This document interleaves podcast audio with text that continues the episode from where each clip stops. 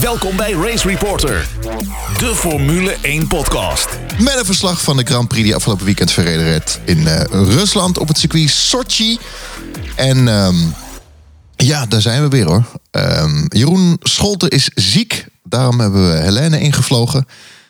Uh, ik zeg um, de 22e verjaardag van Max Verstappen vandaag. Internationale podcastdag. En we blikken terug dus op de Grand Prix van Rusland op het circuit Sochi Autodroom. Uh, heren en dames, stel je kort nog even voor. Nou goed, ik uh, stap af van mijn standaard intro. Die mag ik niet meer doen ja, van de jongens. We kregen klachten. Ja, we konden gewoon uh, herhalen wat een standaard intro is.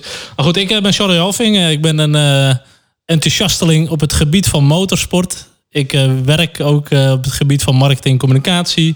En nou, daar laat ik het dit keer gewoon even bij. Ja, en ik ben uh, Jeroen Demmendaal. Ik ben schrijver, ik ben communicatie-expert. Um, en ik kijk al naar de Formule 1 sinds ik een heel klein Jeroentje was. Nou, en ik ben Helene Franke, grafisch ontwerper en ook race-liefhebber. God verrassend. En uh, ja, daar, dat is eigenlijk wel het enige belangrijke momenteel. Oh. Sochi! We hebben het de vorige uh, aflevering ook, ook over gehad. Uh, Jeroen Demmendaal, jij bent niet zo heel erg fan van dit circuit. Um, ik vond nee. Ik, ik vond het eigenlijk zelf wel een leuke race. Dit circuit is natuurlijk wel gewoon... Ik bedoel, dit is het Russische equivalent van Almere Haven. En ik weet niet of je ooit in Almere Haven bent geweest, maar... Daar wil je niet doodgevonden worden. Nee, ik, heb dus, uh... ik heb 16 jaar Zoetermeer gewoond, dus ik weet precies wat je bedoelt. ja. um, het, ik was wel weer bijzonder. Voor de vierde keer op rij Ferrari op pol. Ja, dat leek er toch wel op alsof Ferrari uh, ging winnen hier. De eerste uh, bocht meteen de Vettel ging er goed vandoor. Dat was wel even spannend. Nou, nee, maar ik zat met name te denken: is Sochi een Herman Tielko circuit? Volgens mij niet, toch? Maar het lijkt er wel verdomd veel op. Nu zet je me voor het blok, ik weet het niet. Volgens mij, want ze hebben wel, het is wel getekend op de tekentafel. Want ze hebben het tussen ja. dat Olympische dorp heen uh, ontworpen. Dus er, er, is wel een ontwerpbureau aan te pas gekomen. Maar of dat Tielk is, dat weet ik zo 1, 2, 3 niet. Dat uit mijn hoofd niet durven zeggen. Volgens mij niet. Maar het hebben wel alle, uh, alle wensen van een uh, nieuw Formule 1 circuit met de asfalt uh, uitstroop uitloopstroken en alle ellende die erbij komt kijken. In, in onze bingo, podcast bingo hebben we de eerste al te pakken. Zoeken we op. um, in ieder geval, um, Vettel ging er vandoor. En uh, nou ja, Leclerc die hobbelde er een beetje achteraan. Ik vond het zo eventjes in het kort, het kort de race super tof dat McLaren uh, goed meedeed. Uh, Red Bull een beetje achterin. Ik vond het een, een, een, een goede start van de race. De start was op zich vrij prima inderdaad. Uh, Sainz die natuurlijk goed meekwam. Vettel die een beetje de toe kreeg van, van Leclerc. Hamilton die nergens heen kon. Max die toch een beetje uh, naar buiten geduwd werd. Um, het was best wel een prima start van de race uiteindelijk. Um, ja, wat kan je er verder van zeggen? De, de, start van de race. Ik vond het wel mooi dat Vettel inderdaad uh, Leclerc voorbij mocht. Um, en dat hij op een gegeven moment ook gewoon weg ging rijden van, uh, van Leclerc. Ja, dat was op zich wel een, een tekenend dingetje voor deze Grand Prix. Ja, hij had zelfs een paar keer de snelste ronde. En toen kwam dus de team call. En toen had hij 1,4. En toen liep het uit tot op een gegeven moment 4 seconden zelfs. Maar goed, we gaan het uitgebreid hebben nu over de strategie van Ferrari. Ja, nou ja, goh, waar gaan we beginnen? Laten we beginnen met waarom al dat theater over de radio? Want dat snap ik dus niet. Uh, ik bedoel, er gaat dan inderdaad, er is dan een discussie dat er zo'n afspraak is gemaakt. Dat hè, uh, Vettel die mag dan de tow krijgen van Leclerc. En die zou dan zeg maar de kop nemen. En vervolgens zou Leclerc er dan weer voorbij moeten gaan.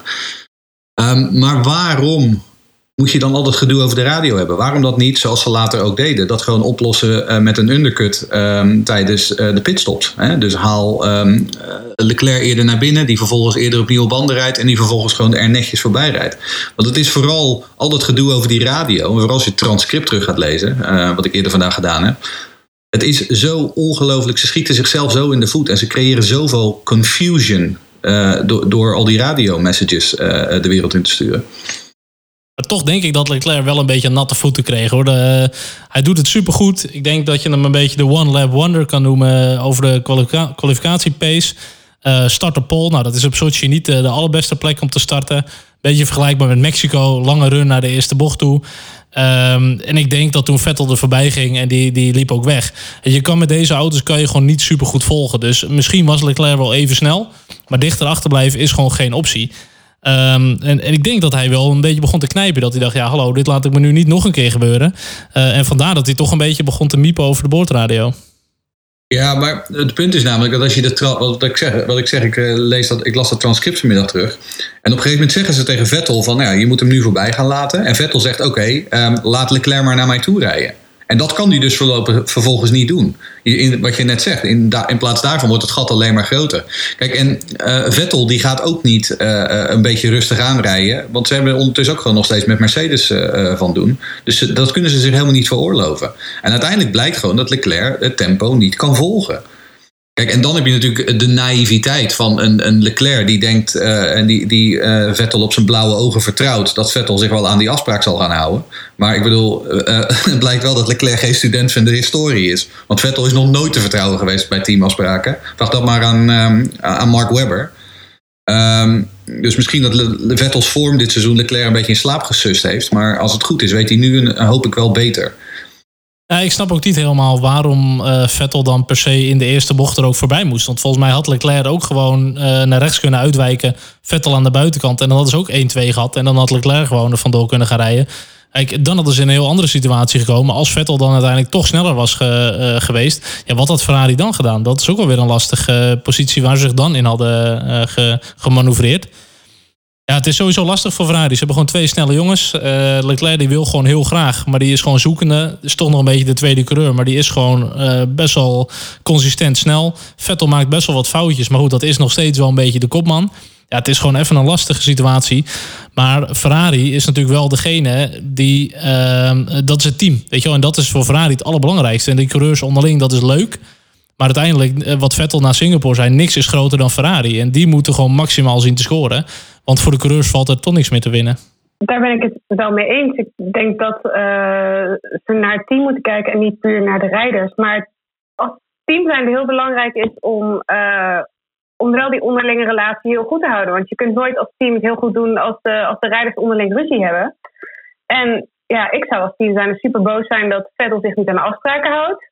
En dat Leclerc zich vervolgens gaat gedragen als een baby. Ja, het, het, het, helpt echt niet. Het was, het was alsof je naar soap zat te, eh, te luisteren gewoon. En dat kan gewoon echt niet bij zo'n team.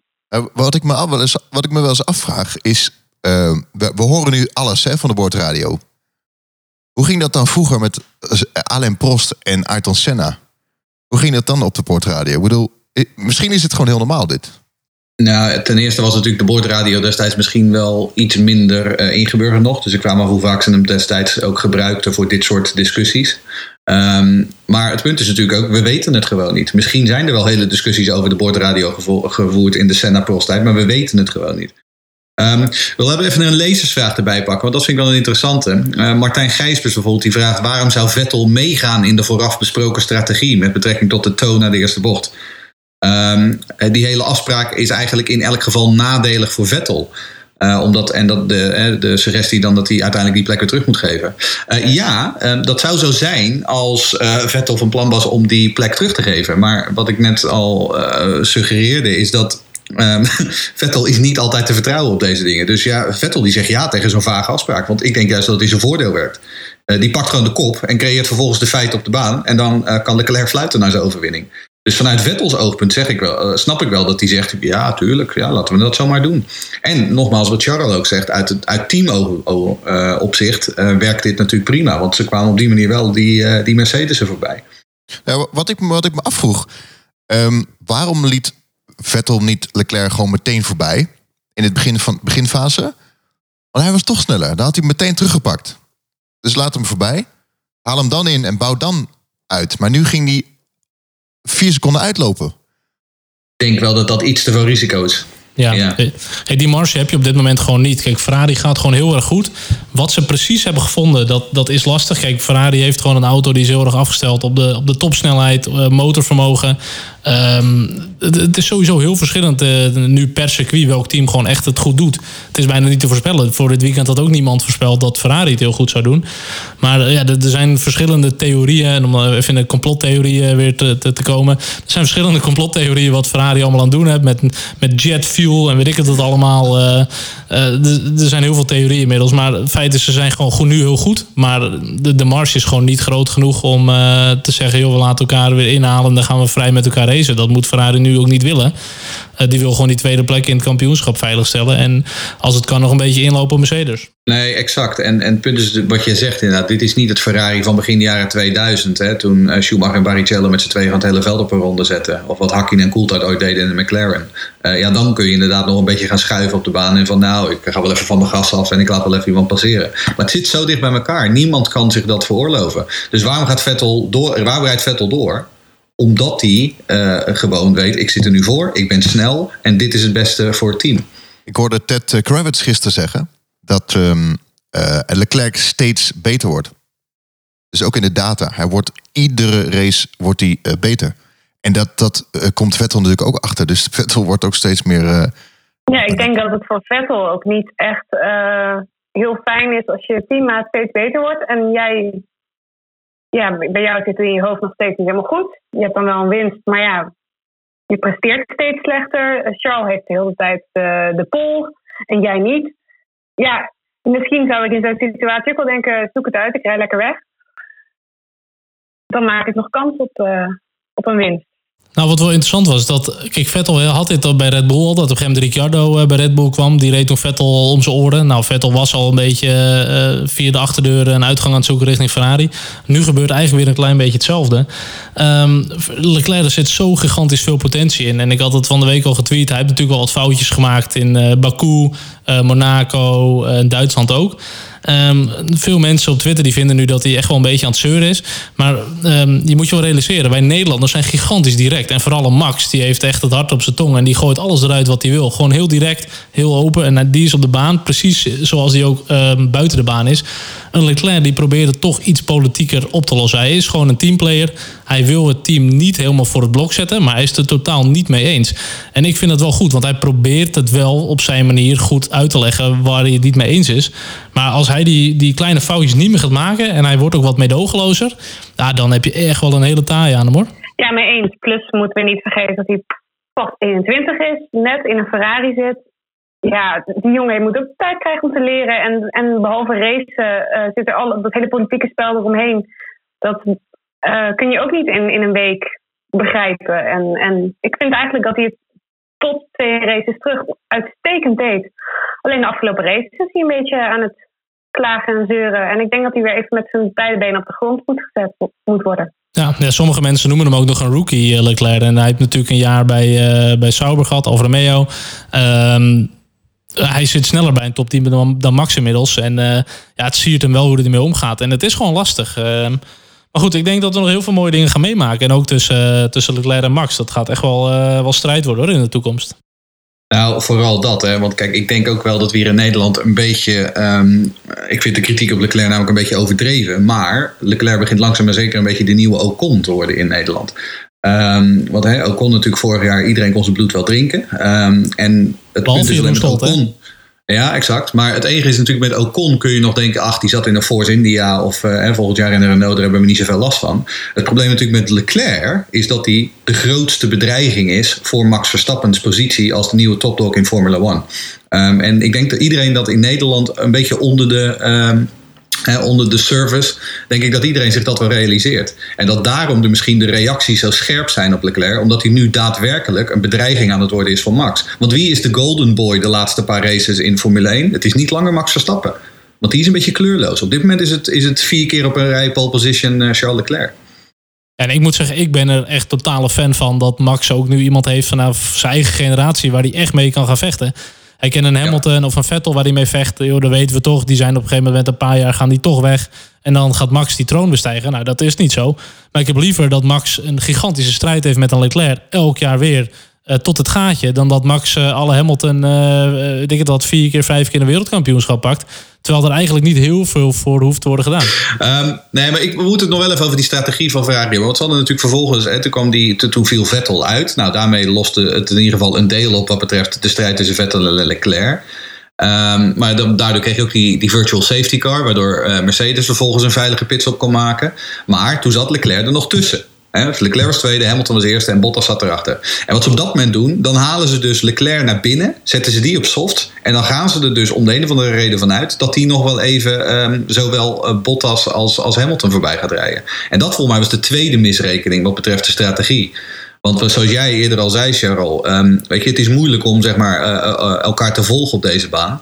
Dus dat werd sowieso, als het, als het snelheidsverschil zo klein is, het, het, werd natuurlijk een enorme opgave voor Leclerc om ten eerste Bottas voorbij te komen en daarna dan ook nog eens Hamilton aanvallen. Ja, daar wil ik hem er toch ingooien. Het aapachtige dier die iets te veel gedronken heeft. de dronken Baviaan bij Ferrari. Hij zit er toch weer, want ze zijn gewoon niet feilloos. Maar ook met de Vettel, die uiteindelijk uh, met problemen aan zijn MGUK, zeg maar, de, de, waar hij de energie mee opwekt via de remmen, daar waren wat problemen mee. Uiteindelijk zei het team van, joh, je moet de auto nu stopzetten. Dan vraag ik me af, heeft Ferrari daar niet even over nagedacht van jongens, ga dit goed uitpakken als we Vettel nu hier stilzetten, terwijl het uh, één bocht voor de pitstraat was. Oké, ik kan dat niet helemaal inschatten, maar dit was wel bijzonder ongelukkig voor Ferrari. Dat ik denk, joh, trap Vettel gewoon door de pitstraat in en uh, dan gaat hij maar helemaal stuk, die motor.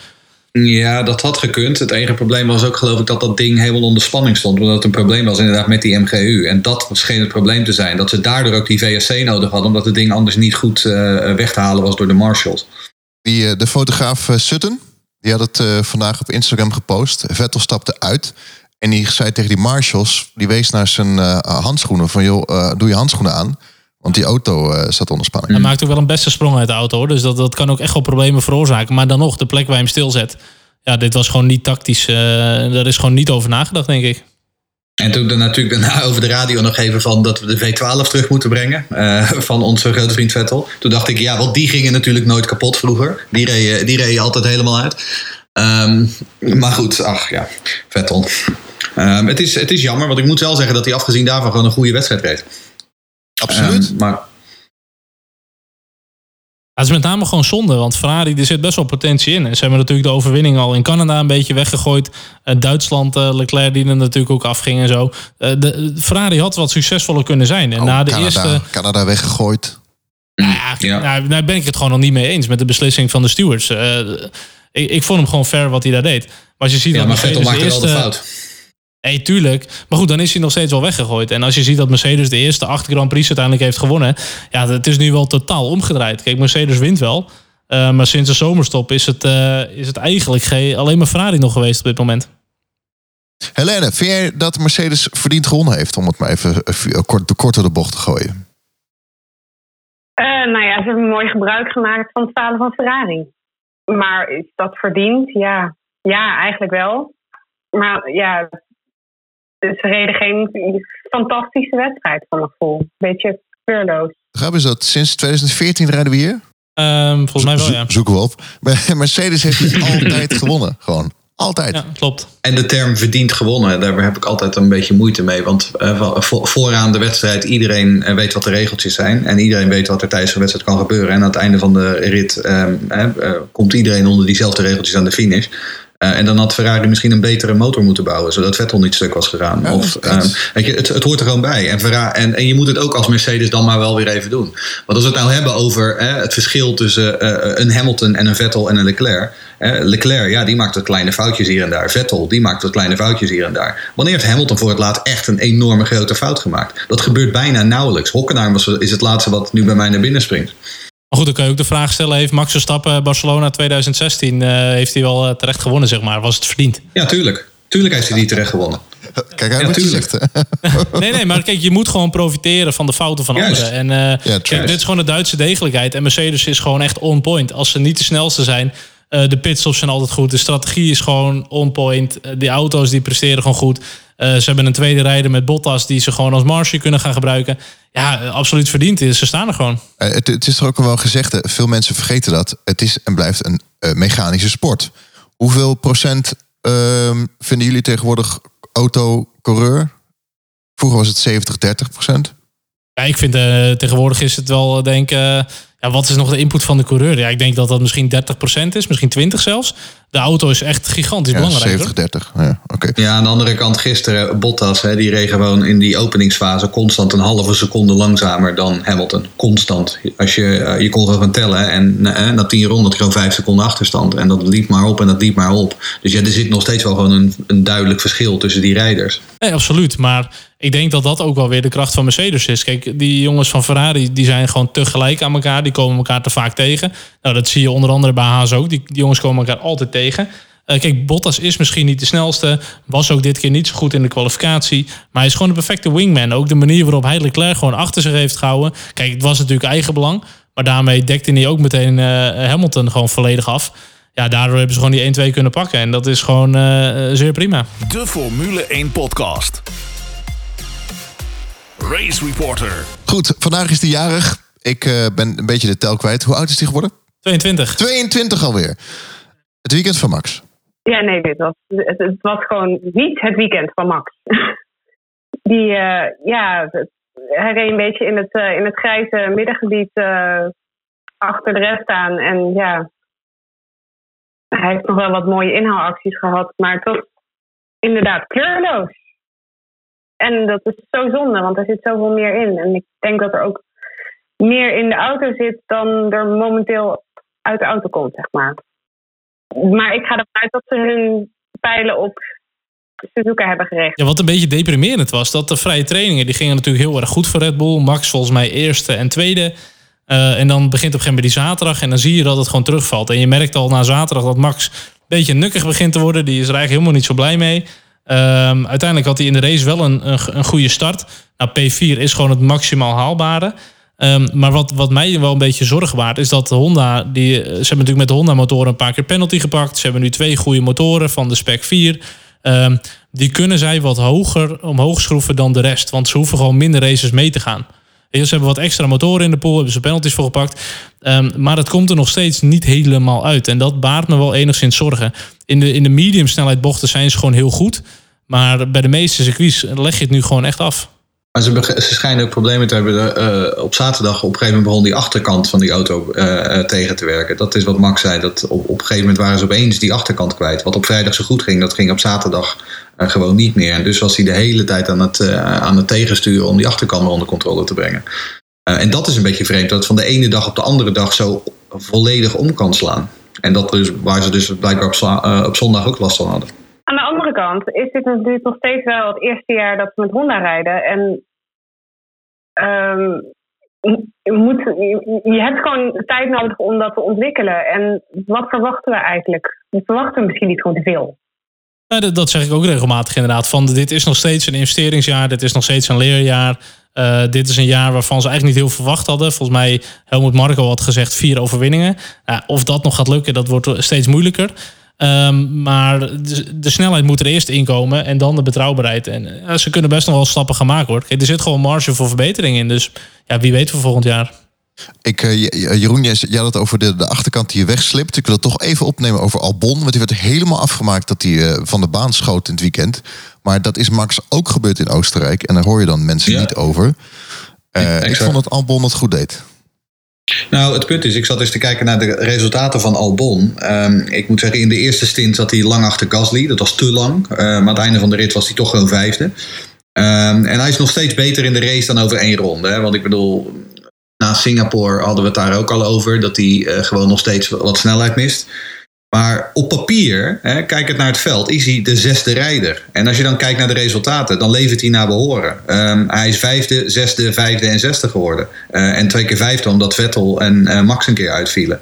Dus wat dat betreft scoort hij maximaal. En in ieder geval doet hij het beter dan Gasly. Ja, plus wat kun je. Ja, dat is eigenlijk al meer dan je kunt verwachten voor iemand die in zijn rookiejaar in een Red Bull wordt gezet en niet het wereldkampioenspotentieel heeft van Max ik, ik zie heel veel uh, kritiek uh, voorbij komen. Maar ik vind eigenlijk dat hij het eigenlijk heel goed doet voor uh, iemand die net in de Red is gezet. Ja, dat is het. En kijk, wat de meeste luisteraars weten is dat wij best wel actief zijn op Twitter. En dat is gewoon een medium van de uiterste. En ik zie aan de ene kant mensen die hemel om helemaal omhoog. En hij heeft het zo goed gedaan. En hij heeft het niet slecht gedaan. Andere mensen zeggen weer, joh, je moet hem niet in die auto zetten. Hij kan er niks van en hij, zal nooit het potentieel van Max bereiken. Ja, ik vind het net een beetje ertussenin. Hij doet het echt wel goed. Uh, hij presteert ook goed voor een rookie in een Red Bull uh, halfwege het seizoen. Maar ja, ik denk dat hij dat potentieel ook nooit gaat halen. Maar het belangrijkste is dat hij op een gegeven moment van strategische waarde moet gaan zijn voor Max. Dat hij uh, ook een, een Bottas kan blokkeren. Dat hij ook een Vettel kan ophouden. Zodat Max weer wat plaats vooruit kan. Want dat is eigenlijk gewoon de rol als tweede rijder bij Red Bull. Maar ja, dan beginnen nu ook. We kregen ook een, eh, een paar lezersvragen of een paar luisteraarsvragen daarover. Onder andere van Guido Piquet en racebezoeken.nl. Ehm, die vragen: moet Helmoet uh, Marco Vettel verlossen van Ferrari en naar Red Bull halen? Um, hoe geloofwaardig zijn die geruchten die nu aan het rondzingen zijn en wie bij Red Bull Toro Rosso moet dan het veld ruimen? Um, ja, inderdaad, Helmut Marco zei vanochtend tegen Automotor Sport in Duitsland inderdaad dat uh, Vettels periode bij Ferrari over is. Dat hij daar geen toekomst meer heeft. Um, kijk, het punt is het, is, wel zo natuurlijk dat als ze Vettel halen, dat ze uh, wel een soort van eigen kweek weer terugbrengen in die auto. Hè? Dat is natuurlijk de vaste, de vaste stelregel bij Red Bull. Um, en ik kan me ook voorstellen um, dat ze bij Red Bull inmiddels wel weer eens een keer een WK constructeurs willen winnen. Uh, en als je nu ziet, ze hebben Gasly geprobeerd, ze hebben Kwiat geprobeerd, ze hebben nu dan Albon geprobeerd. En allemaal kunnen ze Max niet bijhouden. Misschien is Vettel wel de Bottas die uh, Red Bull nodig heeft. zodat Vettel als gewoon kopman, oh, sorry, als Max kan gewoon als kopman verder. Maar dat Vettel dan inderdaad gewoon de nette nummer 2 wordt die zo de punten voor het constructeurs WK bij elkaar raapt. Ja, ja, volledig mee eens. En er gaan steeds meer kleine geruchten dat Vettel best wel eens zijn comeback kan gaan maken bij Red Bull. Het blijft bij geruchten, want, want Vettel die staat gewoon onder contract. Wat ik zelf wel interessant vind, is dat ik zelfs denk dat Vettel de enige manier is dat ze Max kunnen gaan behouden bij Red Bull. Um, als zij Max een teamgenoot geven die hem kan uitdagen, uh, die elkaar tot grotere hoogte kunnen stuwen, dat zag je ook met Saints en Max, um, dan gaat zo'n team floreren. Dan gaat Max ook weer uh, ervoor vechten. En ik denk als ze volgend jaar al bonden naast houden, uh, dat, dat Max dan op een gegeven moment denkt, jongen, 2021, ik ga misschien lekker naar Ferrari toe of naar Mercedes toe, net waar, waar de mogelijkheid is. Niet dat Vettel zo'n rol in, als tweede rijder ziet zitten. Ik bedoel, als het nu al zo'n gezeur is met Leclerc, dan kan ik me niet voorstellen dat hij naast Max wel uh, de tweede rijder wil zijn. Hey, precies. En daarbij, um, Red Bull wil altijd jonge mensen. En daarom hebben ze Alonso destijds ook niet ge, ge, ge, gehaald. Omdat ze zeiden, ja, die past niet binnen onze filosofie. Want vergeet het niet, het gaat nog steeds om het verkoop van de blikjes, het stoere merk. En laten we wel wezen, Vettel is niet meer de jongste, de friste. Dus ik geloof er niet in. Klopt. Nou, wat, wat ik wel leuk vind van Hendrik Seip, uh, die, die vraagt ook inderdaad van zien jullie een combo van Leclerc en Verstappen bij Ferrari zitten? Uh, een beetje Prost en Senna 2.0. Ja, ik denk dat iedereen daar wel, uh, wel volmondig ja op kan zeggen. Ik bedoel, hoe kun je daar nee tegen zeggen, weet je wel? Max bij, bij Ferrari, naast Leclerc. Ik denk niet dat Ferrari dat gaat doen. Maar dat zou wel een gigantisch mooie strijd kunnen worden. Ik had het daar toevallig met Frederik over. Van de andere kant, zeg maar. Die, uh, die zei, ik had het er met hem over. Hij zei, ja, dat gaan ze niet doen door een Prost en Senna. Ik zeg, maar dit is wel voor Ferrari nu de beste kans om kampioen te worden. Ja, ik, ik zie het wel zitten. Nou ja, sowieso uit natuurlijk ook vanuit een, een fan-positie is dat het natuurlijk, zou het geweldig zijn natuurlijk als je inderdaad weer zo'n rivaliteit gaat krijgen. Uh, want het is alweer een lange tijd geleden dat we echt zo twee van zulke rivalen bij elkaar hebben gehad. Um, en we hebben natuurlijk het, de, de, het Schumacher-model. Want dat is wat Mercedes nu met Hamilton ook doet. Zet er gewoon zeg maar een, een, een pak yoghurt naast die gewoon de punten bij elkaar hakt. Um, terwijl je een absolute kopman hebt. Maar inderdaad, wat, wat McLaren in de jaren 80 deed, met twee van die zwaargewichten naast elkaar en vecht het maar uit. Ik zou dat graag wel terug willen zien, ja. Maar Ferrari heeft al een beetje moeite om Vettel en Leclerc te managen. En die zijn nog niet eens heel vurig aan elkaar dat, gewaagd. Dat is ook wel weer zo, ja. Het is, het is nooit uh, in het Ferrari geen of, uh, DNA om dat te doen. Je hebt altijd één rijder en daarnaast een Irvine. Ja, maar goed, om nog even terug te komen op de race van Max. Hadden we ook nog inderdaad een vraag ontvangen Um, en dat ging inderdaad over de pitstop van Max. Dat was een vraag van uh, Erwin Lamers. Die zegt Albon haalde de soft tijdens de safety car. En ik had verwacht dat Max dat ook wel zou doen. Wat is jullie gedachten? Ja, was het niet zo dat Max uiteindelijk zelfs twee keer een pitstop had gemaakt? Dat hij inderdaad eerst voor de soft naar binnen ging. En dat hij uiteindelijk toch nog weer snel naar binnen was gegaan voor een setje mediums. Dat heb ik gemist. Ja, ik zat toen ook even uit het raam te kijken. Nee, het is andersom. Max is inderdaad eerst voor de medium compound uh, naar binnen gegaan tijdens een virtual safety car. Uh, alleen daarna tijdens de safety car is hij inderdaad naar binnen gegaan voor de een setje gebruikte softs. Maar ik denk dat er qua strategie en, en, en bandenkeuze voor Max ja. was dit gewoon sowieso het maximaal haalbare. Op P4. Uh, nou, nou, sterker nog, je zegt steeds 4 is het meest haalbare, maar het is dat Vettel uitviel, anders was hij vijfde. Ja, dus eigenlijk was vijfde het hoogst haalbare. Maar dat was vorig jaar natuurlijk ook al zo. Hè? Kijk, en dat is het enige waar ik nog een beetje hoop aan vasthoud. Namelijk dat um, vorig jaar werd hij ook vierde of vijfde en toch op gepaste afstand van de rest. Uh, en uiteindelijk wist hij alsnog gewoon te winnen in, um, uh, in Mexico. Um, dus ik hoop nog steeds dat ze daar gewoon wel mee kunnen draaien. Maar even voor een leek, hè. Is dit een hoge snelheidsbaan? Het gaat hier hard, maar ook bochtig. Waarom ligt de Red Bull hier niet goed dan? Je hebt denk ik een beetje te weinig eh, medium speed corners. Het zijn of vrij langzame bochten, eh, of het is eh, lange rechte stukken. En dat is net waar Red Bull niet heel erg sterk is. En in dat opzicht zou, zou Japan hem iets beter moeten liggen. Maar daar komen we wellicht zo meteen nog even op, eh, op terug. Oké, Het is een soort Melbourne dit. Wat dat betreft. Race Reporter, de Formule 1 podcast. Ja, ik zei het al, McLaren zat er lekker bij. Ik zat echt naar tv te kijken, wat doen die oranje dingen daar? Ik vond het echt super tof. Ik vind het zo leuk om te zien. Lekker weer terug, die twee jonge honden. Ik vind het echt fantastisch. Sterker nog, jawel, eh, het is voor het eerst sinds 2014 dat McLaren weer drie cijfers heeft in het constructeurstitelkampioenschap gebeuren. Ja, hoe moet ik dat uitleggen? Eh, meer dan 99 punten. Ja, t- triple digits inderdaad, zoals dat heet in het Engels. Eh, en ze hebben, nu, ehm, al, ze hebben nu al meer punten dan in 2017 en 2018 bij elkaar. Eh, en, we, en, we- en we zijn dus nog, eh, wat is het, nog vijf races. Ehm, nee, ze doen het prima. Ehm, het, wat ik ook wel opmerkelijk vind, is dat je weer ziet dat Sainz net iets beter is dan de iets wat grillige Norris. Want vooral na die tweede herstart zag je dat Norris een beetje terugviel eh, in, in de pickorde. Ehm, maar hoe dan ook, de, de toekomst ziet er echt goed uit. Ook nu met natuurlijk die Mercedes motorendeal die op komst is eh, vanaf 2021. Ehm, ja, McLaren is alweer op de weg naar, hoog, naar, naar boven. Mijn complottheorie ging niet op. Ik had eh, gedacht eh, McLaren Honda, maar het wordt dus McLaren Mercedes. Ja, ik vind dat we ook echt stil mogen staan bij de hele goede start van Sainz. Want die was echt wel fantastisch weg even. Ehm, ja, sowieso McLaren. eh, het is ronduit gênant dat Renault eh, zoveel slecht is dan ze. Maar ik vind het echt super fijn te zien. Eh, lang op gewacht. Maar ook Sainz, hè, die hebben gewoon bijna het dubbele eh, puntenaantal van Norris. En terwijl Norris het ook echt niet slecht doet. Maar de rol die Sainz op zich heeft genomen nu bij, bij McLaren. Ik denk dat hij het nergens beter had kunnen hebben op dit moment. Ehm, en ik had toevallig een, een WhatsAppje van onze collega Louis Dekker. of ook het fruithapje van Carlos nog even gingen bespreken. Ehm, zoals hun eh, podcast eh, de, eh, het fruithapje brengt oud-teamgenoot Verstappen furoren. Nou, dat is een, een gewaagde titel.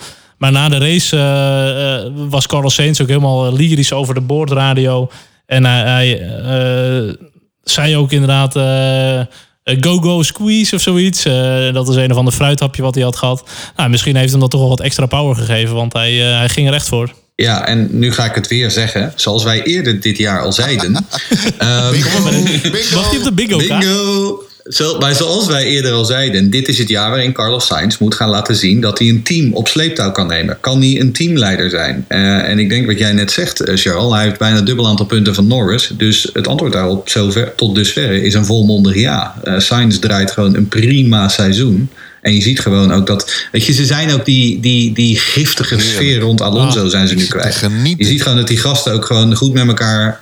Ja, die gasten die gaan gewoon goed met elkaar om en die sturen elkaar naar grotere hoogte. En nogmaals, hè, ook Norris is, is echt een rookie. Ik bedoel, die is- rijdt zijn eerste seizoen, maar doet het gewoon. Ja, een beetje grillig, maar doet het gewoon wel heel goed. Maar wat ik vooral met Norris heb, is buiten de baan. Hoe die, met, eh, hoe die omgaat met, de, met andere rijders ook. Lekker keten. Ik vind het zo'n leuk ventje. Het zijn wel een beetje pubers hoor. En ik vind het wel lachen dat Ja, hij inderdaad zo'n duwtje geeft aan Albon. Dat Ja. hij weer tegen Ricardo aanknalt en zo. Ja, maar ik, ik, ik tweette het ook al. Het lijken wel, het zijn geen mannen meer die, die Ja, ja. een leven wagen in die auto's. Het is Ik echt vind- een nieuwe Ik generatie. vind het echt fantastisch. Ja, het is echt tof. Ja, want ik vind het als Alonso-fan verschrikkelijk om te zeggen. Maar het pensioen van Alonso was het beste wat McLaren had kunnen overkomen. Absoluut. En, en met die nieuwe garde, ook, ook de manier waarop ze inderdaad met social media omgaan ehm, en met elkaar. En, en ik heb ook echt het gevoel dat Sainz gewoon voor het eerst in jaren echt op zijn plek zit. Ja, ja. Ja, want normaal zijn die Spanjaarden niet zo heel eh, spontaan en vrolijk en zo. En eh, ik vind het nooit heel leuke types, zeg maar. Maar eh, hij doet het best wel prima zo hoor. Maar ik heb ook helemaal niet het idee dat het echt 1-2 is daar. Nee. Het is gewoon een natuurlijke, een natuurlijke orde is het gewoon, Mm. zeg maar. Vooral, ja, dat. Bon, eh, tot zover McLaren.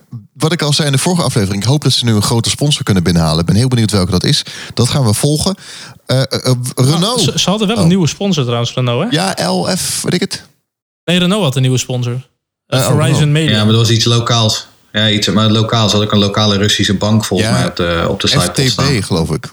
Blauwe, blauwe logo. Ja. Oh, ja. Dat heel erg lijkt op eh Formule 1 aan tafel, maar dat even terzijde. Eh, de- Renault. Ja, eh goede, goede eerste bocht voor eh, Ricciardo. Super goede actie.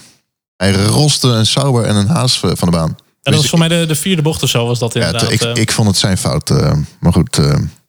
Volgens mij was dat toch gewoon Giovinazzi die er, die er ergens tussen knalde, of niet? nee, ze gingen met z'n Ehm, drieën naar de bocht. nou, hoe dan ook. Ja, ze gingen met z'n drieën. Wat ik wel grappig vond was overigens dat iedereen meteen op Twitter over Grosjean heen viel. En vervolgens moest iedereen dat weer heel hard inslikken. Omdat uiteindelijk bleek dat Grosjean er helemaal niks aan kon doen. Ehm, maar eh, ja, en dan, en dan Hulkenberg, die heeft ik met Hangenburger nog een punt binnengehaald. Ehm, maar inderdaad, ze hebben gewoon weer flink eh, eh, schade opgelopen ten opzichte van McLaren. De- bovendien kregen we ook nog een vraag van Iris. Die vroeg waarom kreeg Hulkenberg een zwart-witte vlag? Eh, ik moet eerlijk toegeven, ik had het gemist tijdens de wedstrijd. Ik heb het nagekeken. Ehm, en wat Hulkenberg deed was, hij haalde Giovinazzi in in de eerste bocht. Ehm, en eh, miste vervolgens de bocht, kwam weer terug op de baan en duwde vervolgens Giovinazzi de baan uit. Won op die manier de positie en dat vond Michael Masi en zijn vriendjes niet goed. Die waren het daar niet mee eens. En dus kreeg hij een zwart-witte waarschuwingsvlag. Dus dat is waarom.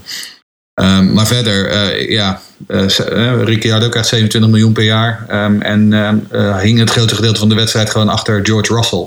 Dus, nou ja, ik hoop dat ze, dat ze er blij mee zijn.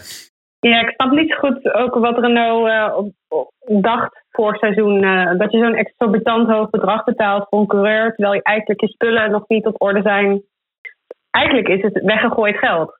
Want ja, iedere coureur had een beetje dezelfde resultaat kunnen halen in de huidige auto. Maar dat zeg je nu, maar dat wist je van tevoren niet. Maar kijk, je moet je ook wel beseffen dat een goede coureur kan ook een team op sleeptouw Ja. nemen, motiveren, de auto ontwikkelen. Ja, dat Maar waar. we zeiden het vorige keer ook al inderdaad. Ricciardo is gewoon te duur voor het aantal punten dat ze nu eh, scoren. Of ze scoren geen punten, dus dan is het sowieso te duur. Ehm, en Hulkenberg, het is toch een beetje story of his life. En Jeroen heeft het ooit al eens gezegd van waarom zou je een eh, coureur nemen die, die alleen maar ongeluk heeft, zeg maar. En dat is met Hulkenberg ook. Dan, loopt, dan zit hij in de goede positie, hij heeft een goede wedstrijd, maakt hij een pitstop en dan gaat er heel wat mis. En eh, dan raakt het van de regen in de drup. En dat is zo zonde. Die jongen die heeft nooit een keer geluk ook gewoon. Nee, kijk, en ik snap op zich wel dat Ricciardo ook destijds eh, naar Renault is gegaan. Hè? Want historisch gezien kun je zeggen van nou, Renault komt altijd bovendrijven, want er zit een hoop geld. Ehm, maar als het gaat, om het op sleeptouw nemen van een team, vooralsnog is Ricciardo niet echt in staat om dat te doen. Ehm, want als je kijkt naar hoe eh, de, de performance curve bij Renault eruit ziet ten opzichte van de voorgaande seizoenen, eh, die gaat in de regelrecht de andere richting dan waar die bij McLaren naartoe gaat. Ehm, dus ja, ik weet het niet. Het zit daar nog steeds niet helemaal lekker. En het, is- het valt te hopen dat ze volgend jaar met Ocon ehm, eh, stappen kunnen maken. Ja, en wat je zei over Ricciardo dan nog even om daarop terug te komen met Russell. Eh, Ricciardo had voor mij een hele hap uit zijn vloer eh, na, na de crash in, eh, Ja, in, de, ja. in de vierde bocht. Eh, en, en om daar ook nog op terug te komen, ik vond het echt een race incident. Grosjean zat aan de buitenkant, die was eigenlijk de enige die echt had kunnen wijken. Giovinazzi kon er niks aan doen. En voor Ricciardo was het ook vrij logisch dat hij in dat gat dook. Ja, d- dit zijn gewoon race incidenten. Maar wat mij meer zorgen baart, is dat eh, Renault natuurlijk ook McLaren kwijt gaat raken eh, om hun motoren aan te leveren. Eh, dus er is zometeen nog maar één team die met Renault motoren rijdt. En zoals sommige mensen al zeiden, misschien moet Renault ook gewoon Mercedes motoren gaan afnemen. Dan komt het misschien wel goed. Ja, maar goed, ja, wat moet je Ja. anders? Ik bedoel, kijk, ze hebben ook geen andere auto's om het mee te testen. En dat was altijd hun voordeel ten opzichte van Honda en McLaren. Eh, Honda had alleen McLaren, Renault die had toen wel drie teams. Eh, dan maak je eh, gewoon mileage, je, je test de motoren, je, je komt heel veel problemen tegen. Ja, eh, het, is- het is een dal wat heel moeilijk wordt om uit te komen voor Renault. Race Reporter, de Formule 1 podcast. Iemand die wel een team goed kan ontwikkelen en door, eh, door, doorontwikkelen is Kimi Räikkönen. Maar dit weekend zat het allemaal niet zo lekker bij dat team Alfa Romeo en Toro Rosso. Hopeloos en eh, hulpeloos. Nou, het is toch denk ik, eh, eh, Alfa Romeo die had natuurlijk aan het begin van het seizoen dezelfde filosofie als Ferrari qua ontwikkeling van de auto. Met, die, met de voorvleugel die eigenlijk de lucht van de voorwielen weghaalde, zeg maar. Eh, en Ferrari heeft daar gewoon heel erg stappen in gemaakt. Nieuwe voorvleugel, eh, nieuwe aero packages. Sauber blijft een beetje achter. En Kimi heeft gewoon sinds Alfa Romeo. Of, ja, Bingo. Oh man, bingo. Gaat hij weer. Maar eh, Kimi heeft gewoon na de zomerstop nog geen punten gescoord. En hij zit gewoon minder in zijn vel. Hij voelt zich minder comfortabel in die auto. Ja, zonde, want ik vond het wel leuk om te zien hoe goed ze deden. Maakt trouwens niet uit hoor. Ted Kravitz zegt ook nog steeds Sauber, maar dat maakt niet uit. Ja, daar hebben we wel een mooie vraag die daar eh, mooi bij aansluit, van Raoul. Want Raoul vraagt, eh Kimi zwabbert de laatste weken over de baan. Hij maakt meer fouten dan voorheen. Vraag is, de A uit vorm, tijdelijk. B op zijn retour, structureel. Of C, dronken. en, nou ja, v- vijf jaar geleden was het antwoord waarschijnlijk C geweest. Maar inmiddels uh, met de kindjes toch niet meer. Maar ja, er zit wel een significant tussen, tussen Kimi voor en na de zomerstop. Um, en Kimi zelf is ook super gefrustreerd. Um, maar ja, dus dat heeft waarschijnlijk van invloed op het feit dat hij een valse start maakt. Zoals deze keer. Crashes in de quali. Um, maar de auto lijkt ook wel echt de pace te missen en niet door te ontwikkelen. Dus ja. ja. ik denk dat dit gewoon een ABC'tje is. Gewoon een beetje van alles. Hij heeft een beetje gedronken, een beetje op zijn retour, minder gemotiveerd. Maar hij is gewoon minder comfortabel met die auto. En het was heel pijnlijk in de kwalificatie dat Kimi na een klein foutje, notabene door Giovinazzi eruit geduwd werd uh, in Q1. Ja, dat was wel even pijnlijk voor hem hoor.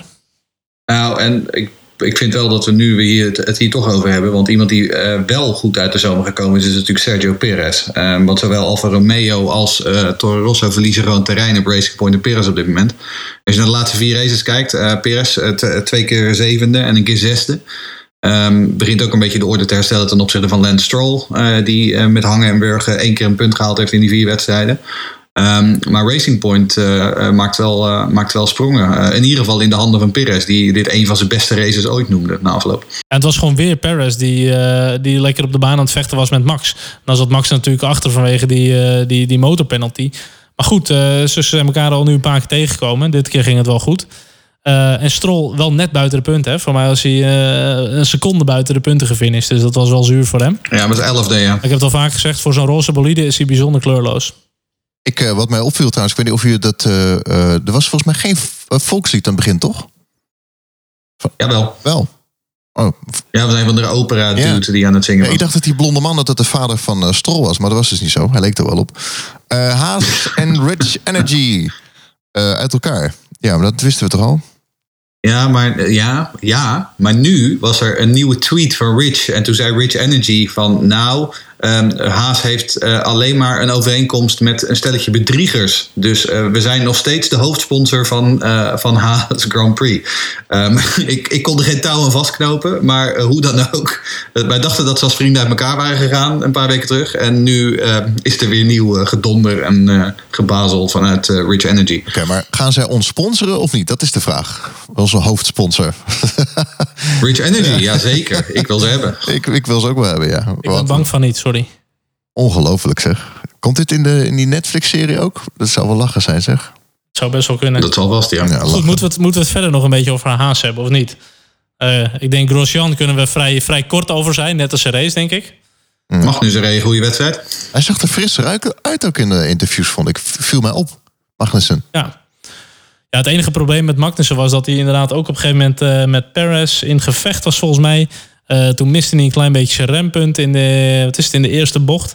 Uh, en toen ging hij uiteindelijk een beetje over zo'n sausage curb, zeg maar. Die oranje curbs die er liggen, dat je dan niet direct weer de baan op kan. En toen ging hij eigenlijk langs de verkeerde bordjes weer de baan op. En dit is wel iets wat we ook in de eerdere race dit weekend met de Formule 2 al hebben gezien met de start. Nou, dat zijn dingen die kunnen heel slecht aflopen. En dat is eigenlijk een beetje het probleem van die nieuwe circuits waar we het net over hebben. Asfalt uit, uitloopstroken, zeg maar. Die coureurs die gaan eraf die vliegen eigenlijk vol gas de baan weer op met alle gevolgen van dien. En dat zag je dus in de Formule 2. Was, was Aitken en Mazepin die inderdaad wijd gingen. Die uiteindelijk gewoon Matsushita uh, eraf tikten. En, en uh, dat duurde vrij lang voordat wij als kijkers ook maar iets meekregen van of alles oké was of niet. Uh, na een, een, lange rode vlag.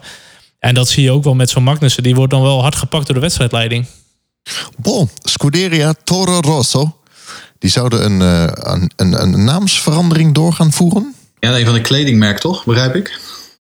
Ja, klopt. Het is een kledingmerk um, wat van Red Bull zelf is, als ik ja. niet. Scuderia Alfa Tauri Honda. Uh, waarschijnlijk gaan we die uh, volgend jaar nog het gele jaar gewoon uh, Toro Rosso noemen. Is dat, zijn dat, is dat kleding van, van, van stierenleer? Of moet ik, dat, moet ik me daarbij voorstellen? Nee, het is gewoon een van de hip kledingmerk van Red Bull. En ik moet zeggen, het ziet er naar mijn mening beter uit dan, dan de merchandise van Red Bull. Dus ja, wie weet eh, dat het voor Red Bull al een nieuwe bron van inkomsten gaat zijn. Waarom gaan ze in godsnaam de kledingbranche in? Nou, ik denk dat ze met Max wel hebben gezien hoeveel je wel niet kan afzetten aan kleding en merchandise uh, van jouw merk. En ik denk dat ze er inmiddels meer aan gaan verdienen dan de blikjes uh, via de Formule 1. Ja. Ik wil zeggen, buy more shit. dat is in feite wat ze zeggen. Ja. Wie weet binnenkort uh, Red Bull aftershave. En vanuit marketing vind ik het ook wel heel slim eigenlijk. Want Toro Rosso is niet zoveel. En nu heb je een team dat een naam heeft van iets wat je verkoopt. Dus dat is wel altijd beter. Het blijft beter hangen. Maar het wordt wel verwarrend. Het is toch iets meer een eigen identiteit, denk ik inderdaad, uh, voor het team. Absoluut. Oké. Dan gaan we helemaal, helemaal, helemaal achter in het veld kijken. Daar staat uh, Williams. Ja, ik, ik begin me een beetje zorgen te maken over Williams. Um, het punt is namelijk dat ze, het, het, het, het sterke punt bij Williams was die betrouwbaarheid. Uh, en die betrouwbaarheid die zijn ze nu in de laatste twee races aan het, uh, aan het kwijtraken. In die zin dat in ieder geval Russell uh, voor de eerste keer uitviel. Maar nu deze keer had het dus een, een technische reden. en bij Kubica, zoals Liane ons ook vraagt. Die zegt, wat vinden jullie van het feit dat Robert Kubica zijn race moest beëindigen om onderdelen te sparen? Want dat is wat er door Williams werd verteld. Um, en ja, het, ik, voor mij is het een beetje een, een, teken dat bij Williams langzaam maar zeker toch echt de centen op beginnen te raken. Uh, het feit dat, uh, wat Russell viel ook uit met een kapotte, uh, kapotte remmen. Op een circuit waar de remmen het nu toch ook niet zo heel zwaar hebben. Dus je kunt je ook afvragen hoe lang zitten die remmen al op die auto van, van Russell. Um, de halfjaarresultaten die ze een paar weken geleden bekend maakten waren niet goed. Ze, hebben een hoop geld verloren het eerste half jaar van dit seizoen. Um, ik begin me wel een beetje zorgen te maken over Williams nu. Nou ja, tijd voor de Papa Latifi om uh, de grote zak met geld alvast neer te zetten, misschien voor volgend jaar. Maar was het ook niet dat ze deels voor Kubica hebben gezegd: jongen, we halen de auto ook binnen? Want mochten eigenlijk dezelfde problemen bij hem voor, voorkomen, zeg maar. Dan is het buiten dat feit dat het levensgevaarlijk is, is dat voor de auto natuurlijk ook niet heel best als je de halve auto afschrijft, zeg maar. Want voor mij was het, uh, het euvel niet direct bekend, uh, waardoor Russell van de baan was geraakt. Dus dat lijkt me dan wel de enige juiste keuze was toch remschijf? Die, uh... Ja, je kon het op de tv-beelden vrij duidelijk zien inderdaad. Dat hij gewoon rechtdoor ging in een plek waar je uh, normaal gesproken niet zomaar rechtdoor schiet. Um, het, het, was geen rijdersfout. Er, er, brak echt wat af op die auto. Af echt wat de geest. Nee, nee, dat zeker. Maar of het, of het een stukje van de ophanging was of iets, iets structureels verkeerd is met de rem of zo. Ik dacht de remschijf, ja. Ja, nee, maar goed, ja, dat, dat, weet je niet altijd direct tijdens de race. Dus nee, dat zie je wel vaker dat die teams dan de tweede auto ook gewoon binnenhalen. Goed, um, over Twitter uh, uh, gesproken. Afgelopen weekend hele discussies uh, op het kanaal van Jeroen Demmendaal. Over Formule 2 kampioen. Dat het niveau dit jaar wat minder zou zijn. Doet er niet toe. Nick de Vries is wereldkampioen. Ik zeg even een applausje voor Nick. Wereldkampioen Formule 2. Wereldkampioen. Speciaal voor Jeroen. Mooi hoor. De wereldtitel Formule 2, zoals Jeroen het zou noemen. Ja, ja is toch prachtig? Ja, het is wel leuk dat de eerste eh, Nederlandse kampioen uh, uh, gekroond is zeg maar, in de Formule 2 slash GP2. hij heeft het zeker niet slecht gedaan. Alleen het is gewoon jammer dat er geen plek is in de Formule 1. En, en dat is misschien wel een mooi om weer even een vergelijk te trekken naar de IndyCar. Die heeft ook een, een, een autosportladder, dat heet de Road to Indy. En die hebben dat net iets beter uitgedacht. Dat een kampioen in de uh, autosportladder richting de IndyCar... die krijgt eigenlijk uh, budget of een zitje in de klasse hoger. En dat zie je ook met de Indy Lights. Dat is de voorklasse naar de IndyCar. Ja, als je daar kampioen wordt, dan krijg je volgens mij gegarandeerd drie races... waarvan eentje de Indy 500 is. Kijk, en daar is de Formule 1 gewoon te klinisch in. Ze hebben uh, 20 auto's. Uh, 20 vaste stoeltjes. Je kan niet zeggen van joh, we doen even een extra auto hier. Of we wisselen even een coureur daar. Uh, en dat is wel jammer, denk ik, uh, bij de Formule 1. Er is gewoon geen plek. Maar krijgt hij een test aangeboden? Nee. Nee, ook niet. nee, dat is dus ook niet. Er zit dus niks vast aan die Formule 2-titel. Uh, en dat is wel een beetje vreemd. Ik, wil, ik had inderdaad een gesprek inderdaad over Twitter met een aantal mensen. Er was iemand die suggereerde van waarom geven we het langzaamste team op de grid niet een derde auto. Zodat die uh, dan de Formule 2-kampioen aan, achter het stuur kunnen zetten. Eh, het probleem is natuurlijk dat de budgetten vergeleken met bijvoorbeeld de IndyCars in Formule 1 veel en veel groter zijn. Dus ik bedoel, wie gaat dat allemaal betalen? Maar wat je wel zou kunnen doen is inderdaad dat een van de teams, of misschien bij Tourbird, dat de teams uh, de Formule 2 kampioen een x aantal FP1 outings geven. Zodat in ieder geval die uh, F2 kampioen aan het grote werk kan ruiken. Dat zou een manier zijn. Um, aan de andere kant kun je ook afvragen. Ik bedoel, Nick de Vries is volgens mij de eerste sinds Fabio Leimer. Uh, en dat is alweer zes, zeven jaar geleden. Die niet doorstroomt naar de Formule 1. Dus je kunt ook wel zeggen dat de Formule 2 over het algemeen best werkt als doorstroomklasse. Ja, volgens mij is het in de afgelopen tien jaar alleen uh, Leimer en Valsecchi geweest die de Formule 1 niet gaan. Valsecchi, ja. ja. Uh, maar het is gewoon lastig, want heel veel Formule 1 teams pikken al uh, talent vroeg op. Dat deed McLaren ook met Nick. Zo zijn heel veel jongens al verbonden aan Formule 1 teams. Dus het is heel moeilijk om iemand zomaar een, een test aan een team te garanderen. Maar als je als winnaar zijn van, de, van het kampioenschap echt een extreem toptalent bent, dan krijg je wel dat zitje. Dus ik denk dat dat, dat, het, dat het belangrijkste uh, punt moet zijn van een, uh, van een coureur. Dat, het gewoon dat hij talent heeft en genoeg voor een zitje. En ja, als, als je het niet hebt, dan ja, wordt het ook lastiger. Hij is ook zo hoor. Maar dan nog moet het totaalpakket echt wel aanwezig zijn als rijder. Je moet gewoon marketing eh, technisch goed zijn. Je moet uh, media technisch goed zijn. Je moet op de baan goed zijn. Je moet al sponsors hebben. Het is best wel een pakket wat je mee moet hebben. En op basis van alleen talent. Maar ik bedoel, we ons ook geen zorgen te maken. En ook geen medelijden hebben met Nick de Vries. Want Nick de Vries gaat gewoon in de Formule 1 rijden. Heeft een fabrieksdeal bij Mercedes-Benz. Uh, ik bedoel, daar zouden een heleboel coureurs een moord voor doen. Um, dus ik bedoel, hij is er ook niet helemaal slecht uitgekomen. Als zoals Jeroen Scholten dan zou zeggen, wel jammer dat hij stopt met autosport. Inderdaad, ja. Ik, ik, heb even heel iets anders. Hè. We hebben het over de teams gehad en Williams, wat uh, op het randje van de afgrond zit. Als ik, waar ik toen aan moest denken, is Jordan. Kwam Jordan niet uit de Formule 300, 3000 ooit? 3000, ja. Ja, maar eh, ja. wat weten jullie van de huidige teams buiten de Formule 1 die zouden kunnen doorstromen? Uh, Keke Rosberg met, met Nico Rosberg, misschien, misschien Centen? Of is er, is er iets Nee, nee want de, de stap, nee joh, die stap is veel te groot. En ik bedoel, dat weet Charles ook als het gaat om de budget in de Formule 2. Het verschil tussen Formule 2 en, en, en Formule 1 is zo enorm. Ik bedoel, je ziet het in Amerika wel, dat er af en toe inderdaad een team is, bijvoorbeeld als SPM, waar eh, James Hinchcliffe en Marcus Ericsson nu rijden. En waar McLaren nu mee gaat partneren. Die begonnen ook ooit in de Road to Indy en zijn uiteindelijk doorgesprongen. Uh, Junkos Racing, waar Rinus VK dus in, in, de, in de Indy Lights voor rijdt, die gaat het ook proberen. Maar daar zijn de gaten tussen qua budgetten net iets kleiner. Uh, maar het gat tussen F2 en Formule 1 is gewoon veel veel te groot tegenwoordig. Ja, dat is het. Kijk, de, de Formule 2 dat is een spec-series. Die krijgen van Dallara een chassis aangeleverd. Die kopen ze, de motoren kopen ze. Zij hebben niet de middelen om zelf een auto te ontwikkelen. Um, ik weet wel dat er teams voor openstaan. Zoals volgens mij een ART. En misschien... Ja, er zitten best wel goede teams bij hoor. Um, Carlin, Dams, uh, Prema. Campos heeft het wel eens over gehad volgens mij. Um, ja, EP Motorsport is wel echt een, een, een, een, team die, die de ladder naar de Formule 1 wil zijn, volgens mij. Maar um, pas als de Formule 1 veel meer onderdelen gaat standaardiseren, dat je een beetje dat Haas-model, maar dan nog misschien zelfs iets uitgebreider, dan zou het eventueel ooit kunnen, ja. Maar als ik kijk naar Le Mans, uh, Porsche, Audi, Volkswagen, we hebben het al heel vaak over Volkswagen. Is er, heb je nog iets, nog, is er stof ergens? Is er, is er Helemaal niks. Niks, niks te melden? Helemaal niks. Oké. Okay. Nee. Race Reporter. De Formule 1 podcast.